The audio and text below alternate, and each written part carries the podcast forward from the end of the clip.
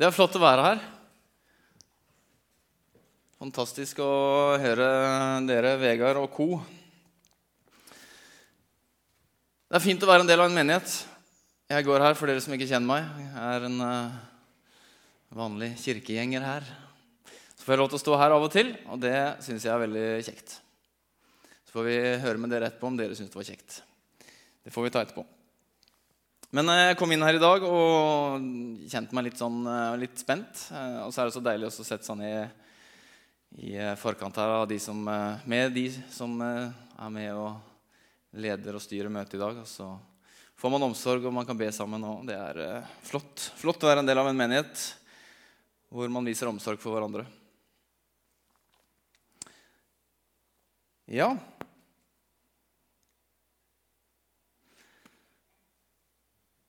Jeg satt og grubla på hva jeg skulle kalle talen min i dag. Så endte jeg opp med dette. Hjørnesteinen. Eh, men jeg kommer til å balansere litt på en sånn knivsegg i dag. Fordi eh, jeg skal prate litt om eh, det som står fast i Guds ord, kontra det som vi kan erfare, og følelser og den biten der.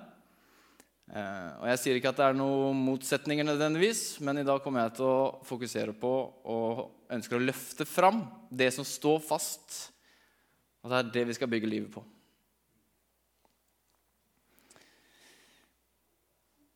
Jeg jobber i, eh, blant, eh, med barn og unge i Nordmisjon og, og, i AKTA, da, som er barne- og ungdomsdelen til Nordmisjon. Vi driver mye lærer.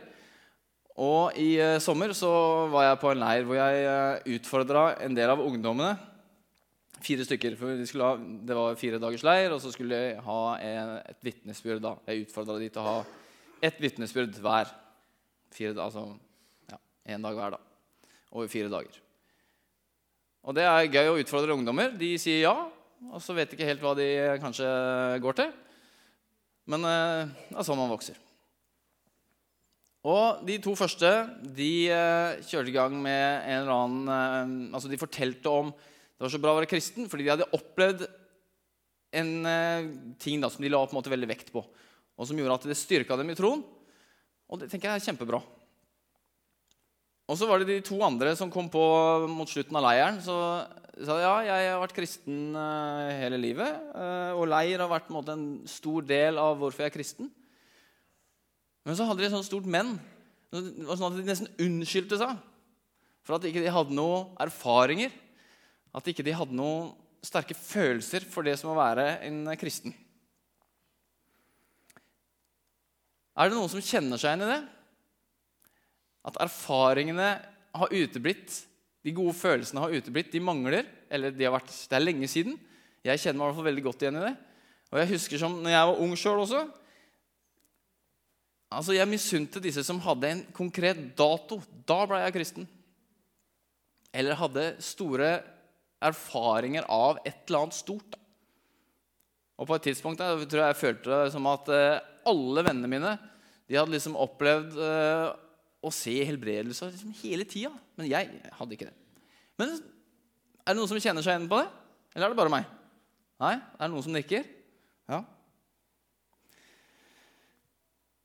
Rett og slett så kunne du bli misunnelig.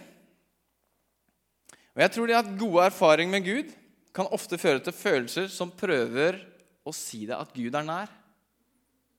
Men så er det det motsatte også. Hvis man ikke har disse gode erfaringene, eller man ikke har noen sånne gode følelser på det som handler om Gud, så kan det føre til at Guds nær, altså Du føler sjøl at Guds nærvære det blir borte. Og jeg tenker at det, Hvis det er det som er grunnlaget for hvorfor vi er kristne, så kan det være farlig. Det kan starte en reise som ikke er sann. Og til slutt så kan det faktisk ende med at troen ikke er verdt noe. Fordi man har bygd på feil hjørnestein. Og hvem er det som ikke har tenkt Gud hører ikke bønnen min. Gud er fjern. Gud bryr seg ikke om meg. Jeg får ikke bønnesvar. Gud finnes ikke.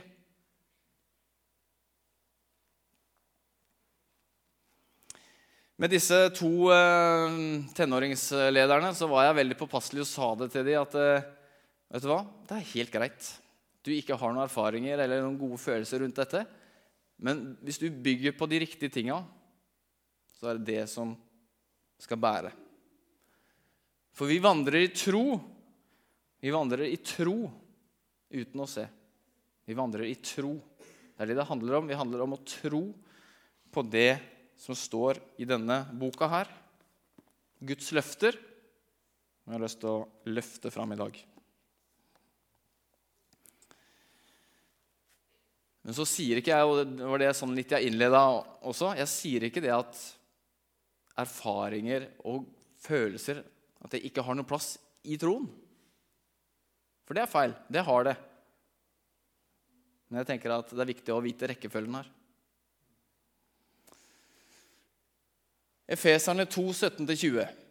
Han kom og forkynte det gode budskapet om fred, både for dere som var langt borte, og for dem som var nær. Gjennom ham har, både, har både vi og dere adgang til Far i én ånd. Derfor er dere ikke lenger fremmede og utlendinger. Nei, dere er de helliges medborgere og Guds familie. Dere er bygd opp av apostlenes og profetenes grunnvoll, med Kristus Jesus selv som hjørnestein.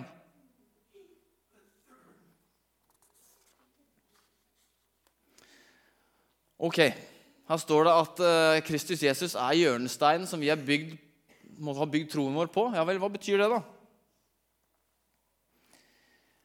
Det er én bok i Bibelen spesielt som sier ekstremt mye om hvilken identitet vi har, hva vi har i Jesus. Og Siden dette er henta fra efeserne, så kan jeg like gjerne bli i efeserne. Det er en fantastisk bok. Og her kommer det nå Nå skal jeg bare bombardere dere litt med det som Efeserbrevet sier. Og det er ikke småtterier. Vi er gjort en del av Kristi kropp. Vi er hellige og ulastelige. Vi er kommet nær Jesus pga. det som skjedde på korset. Vi er forsonet med Gud. Vi er høyt elsket. Vi er Guds verk. Vi er gitt adgang til Faderen i himmelen. Tenk på det. Vi har fått adgang til Faderen i himmelen. Vi er utvalgt. Vi er velsignet med all åndens velsignelse. Det er liksom ikke småtteri vi snakker om. Vi er adoptert. Vi er gitt frelsens gave. Vi er tilgitt. Vi er skapt til gode gjerninger.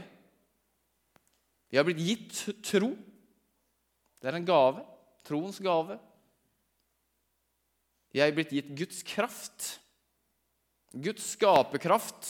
Han skapte verden. Vi er blitt gitt den kraften. Vi er gjort levende med Kristus. Garantert en arv, gitt håp. Vi er hellige.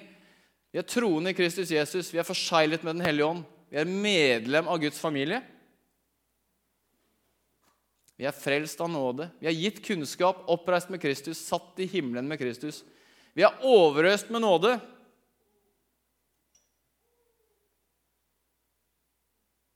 Nå vet jeg ikke om jeg har sagt det alle, men Tenk på det. Og så har jeg eh, tatt to stykker i rødt her, for de skal si litt ekstra om. Men Efeserbrevet Hvis du føler deg litt ned igjen da, og kjenner at eh, det har vært dårlig med erfaringer i det siste, så er Efeserbrevet et fint sted å starte. For da kan man se hva man har, faktisk. Hvilken identitet har du i Kristus? Hvem er du i Kristus? Hva er din hjørnestein? Ja, du er adoptert. Har du tenkt over det? Ved adopsjon da, så får jo adoptivbarnet samme rettsstilling som de biologiske foreldrene egentlig har.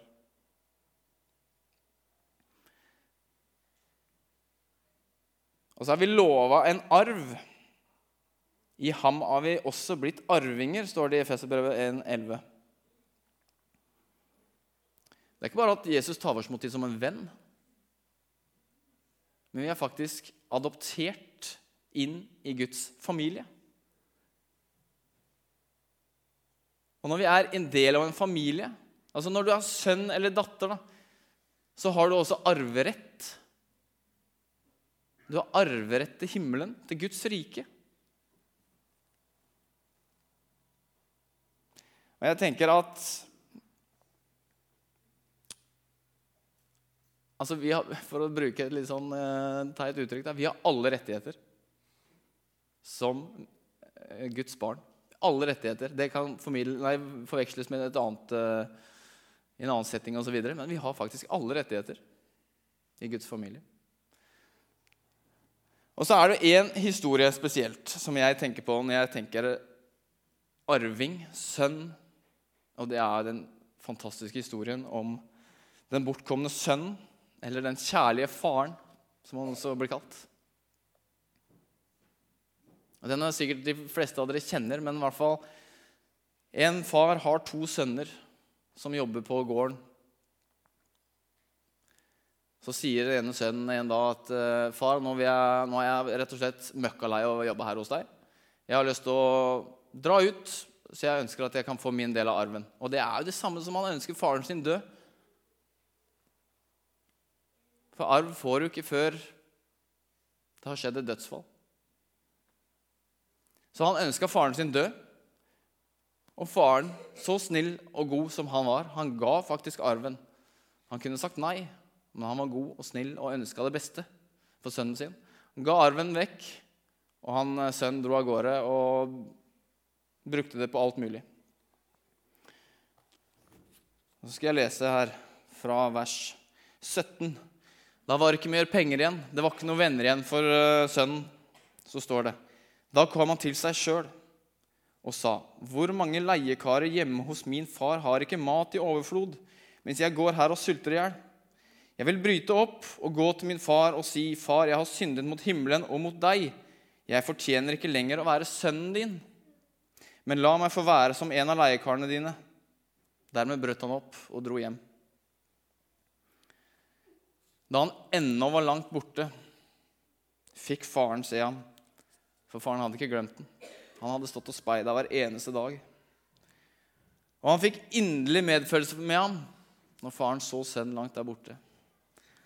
Og så står det at han begynner å løpe. Og det er jeg veldig glad i, da. Men han løp, og jeg tror han faren løp så sinnssykt fort og målretta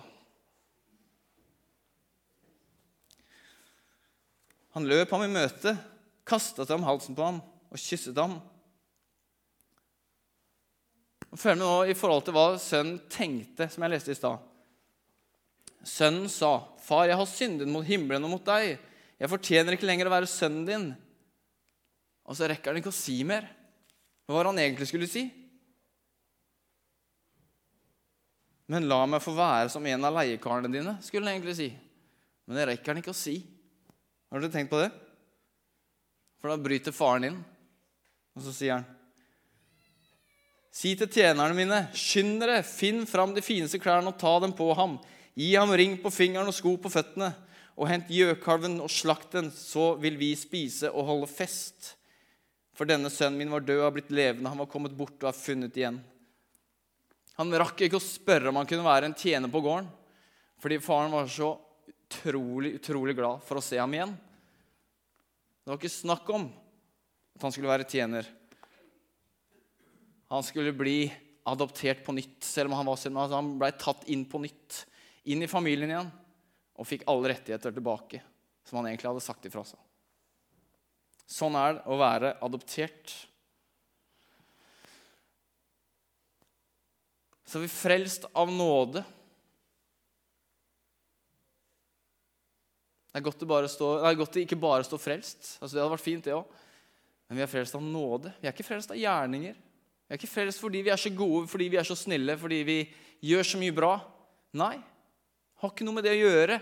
Det har ikke noe med de erfaringene og de følelsene som jeg prata om, å gjøre i det hele tatt.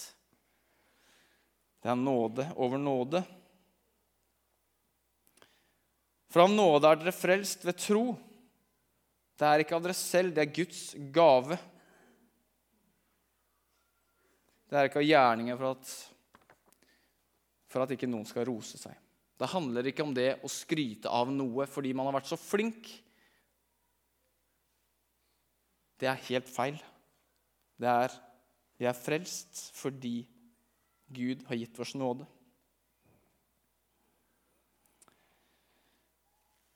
Vi er gitt troen. Så dere på den eh, forrige? Skal jeg bla tilbake her? Her står det 'Vi er gitt tro'. Gjør det ikke det? Det er helt til venstre. Vi er gitt tro, og det er Guds gave. Det handler ikke om hva vi gjør, hva vi tenker, hva vi erfarer, hva vi føler. Guds gave.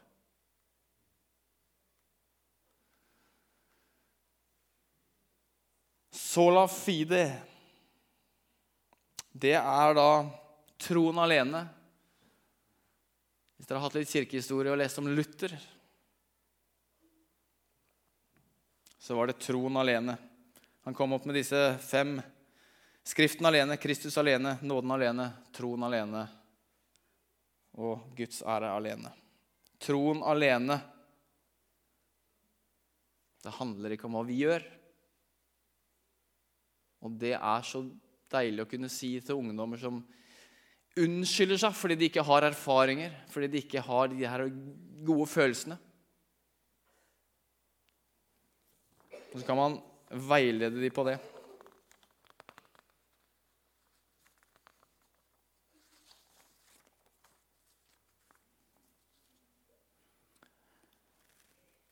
Og når vi har en, fått en Guds gave da, i å tro, så kan vi tre fram for ham i tillit til at alle disse løftene som vi hadde på skjermen her i stad, de stemmer.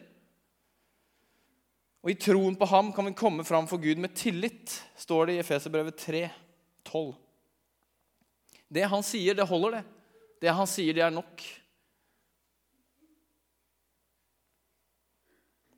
Vend deg til efeserne hvis du kjenner at erfaringene er vage, eller om de er borte, eller om de aldri har vært der.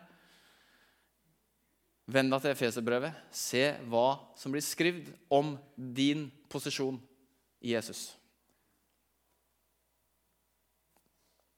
Og så helt eh, så les, Jeg våkna opp i dag, og så har eh, ungene vært hos eh, mine foreldre i natt.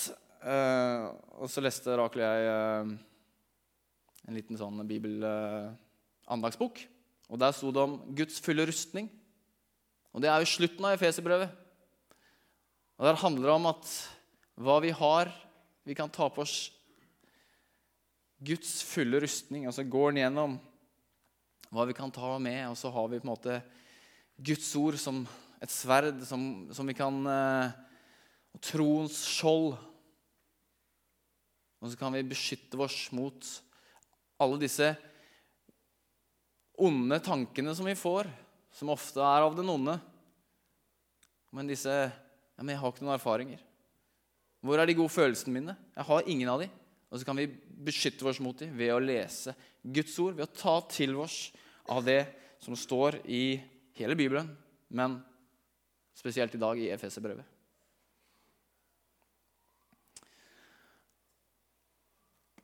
Altså Et av de aller, aller beste uttrykka i, som jeg eh, personlig syns, i uh, Bibelen, det er dette. Kom og se. Fordi det er mange ganger at vi som kristne får uh, Om vi blir uglesett, det er, er, ikke sikkert, men i hvert fall sånn er, er, er, det noe gøy å være kristen? Hva er liksom greia med det? Og så vet de egentlig ikke hva de snakker om. De vet ikke hva som foregår inne i en menighet. Den der omsorgen vi har for hverandre de, Mange, i hvert fall, kjenner ikke til det. Og det er så bra uttrykk. Kom og se, kom og se da! Gjør deg opp en mening. For du kan ikke mene noe uten å faktisk vite hvordan det er. Kom og se. Og jeg tror 'kom og se' kan fungere for alle. At det er uttrykk for vårs, det er uttrykk for meg. Det er 'kom og se' igjen og igjen. Gå til Bibelen, gå til hva Jesus sier, gå til Efeserbrevet. Kom og se hvordan din stilling er. Har den forandra seg selv om du ikke har de gode erfaringene? Nei, den har ikke det, vet du. Det er det som er så bra. Den står fast. Den, den kommer alltid, Alltid til å stå fast. Men uttrykket stammer jo fra døperen Johannes, som har noen disipler som følger han. Og så sier en da døperen Johannes, så ser han Jesus komme gående. Og så sier han til disiplene sine, 'Se der, Guds lam.' Og disiplene til døperen Johannes da, blir jo nysgjerrig på hvem denne mannen er. De har bare hørt Johannes prate om han. Og Så går de bort til Jesus og så sier de, 'Rabbi, hvor bor du?' De ønsker å bli kjent med han.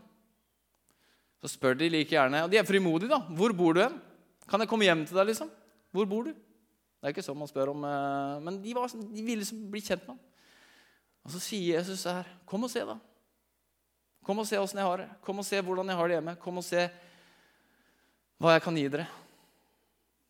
Og så er det en invitasjon til deg og meg til nettopp det å se hva har vi i deg? Hva har vi i Jesus? Og nå er det jo alfatier her i menigheten. Det blir fantastisk spennende. Og jeg tenker at kom og se. Det er en invitasjon først til deg til å komme og se hvordan alfa er, og om man kan eh, lære noe mer. Men også at du kan ta med deg dette uttrykket og gi en invitasjon videre. Kom og se. Si det til vennene dine, si det til kollegaene dine, si det til familien din.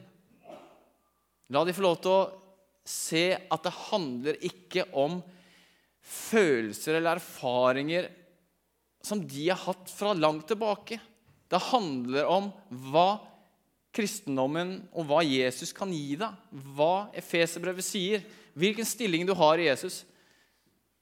Og så er det det det handler om å invitere de inn til å komme og se hva det egentlig handler om.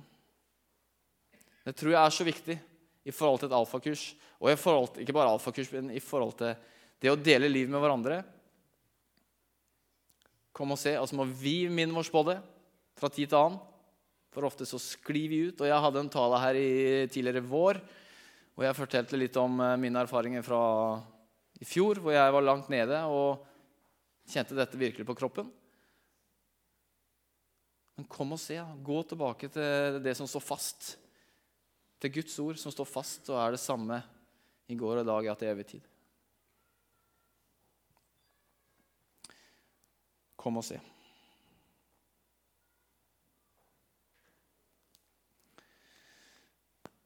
Takk, Herre, for din godhet. Takk, Herre, for din uh, At du står fast.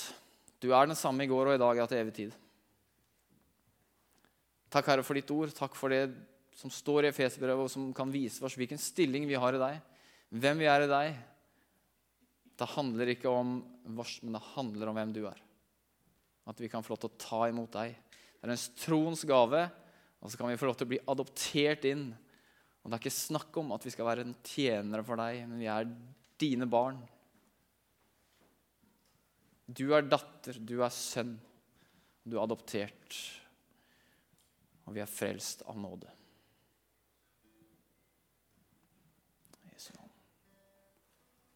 Amen.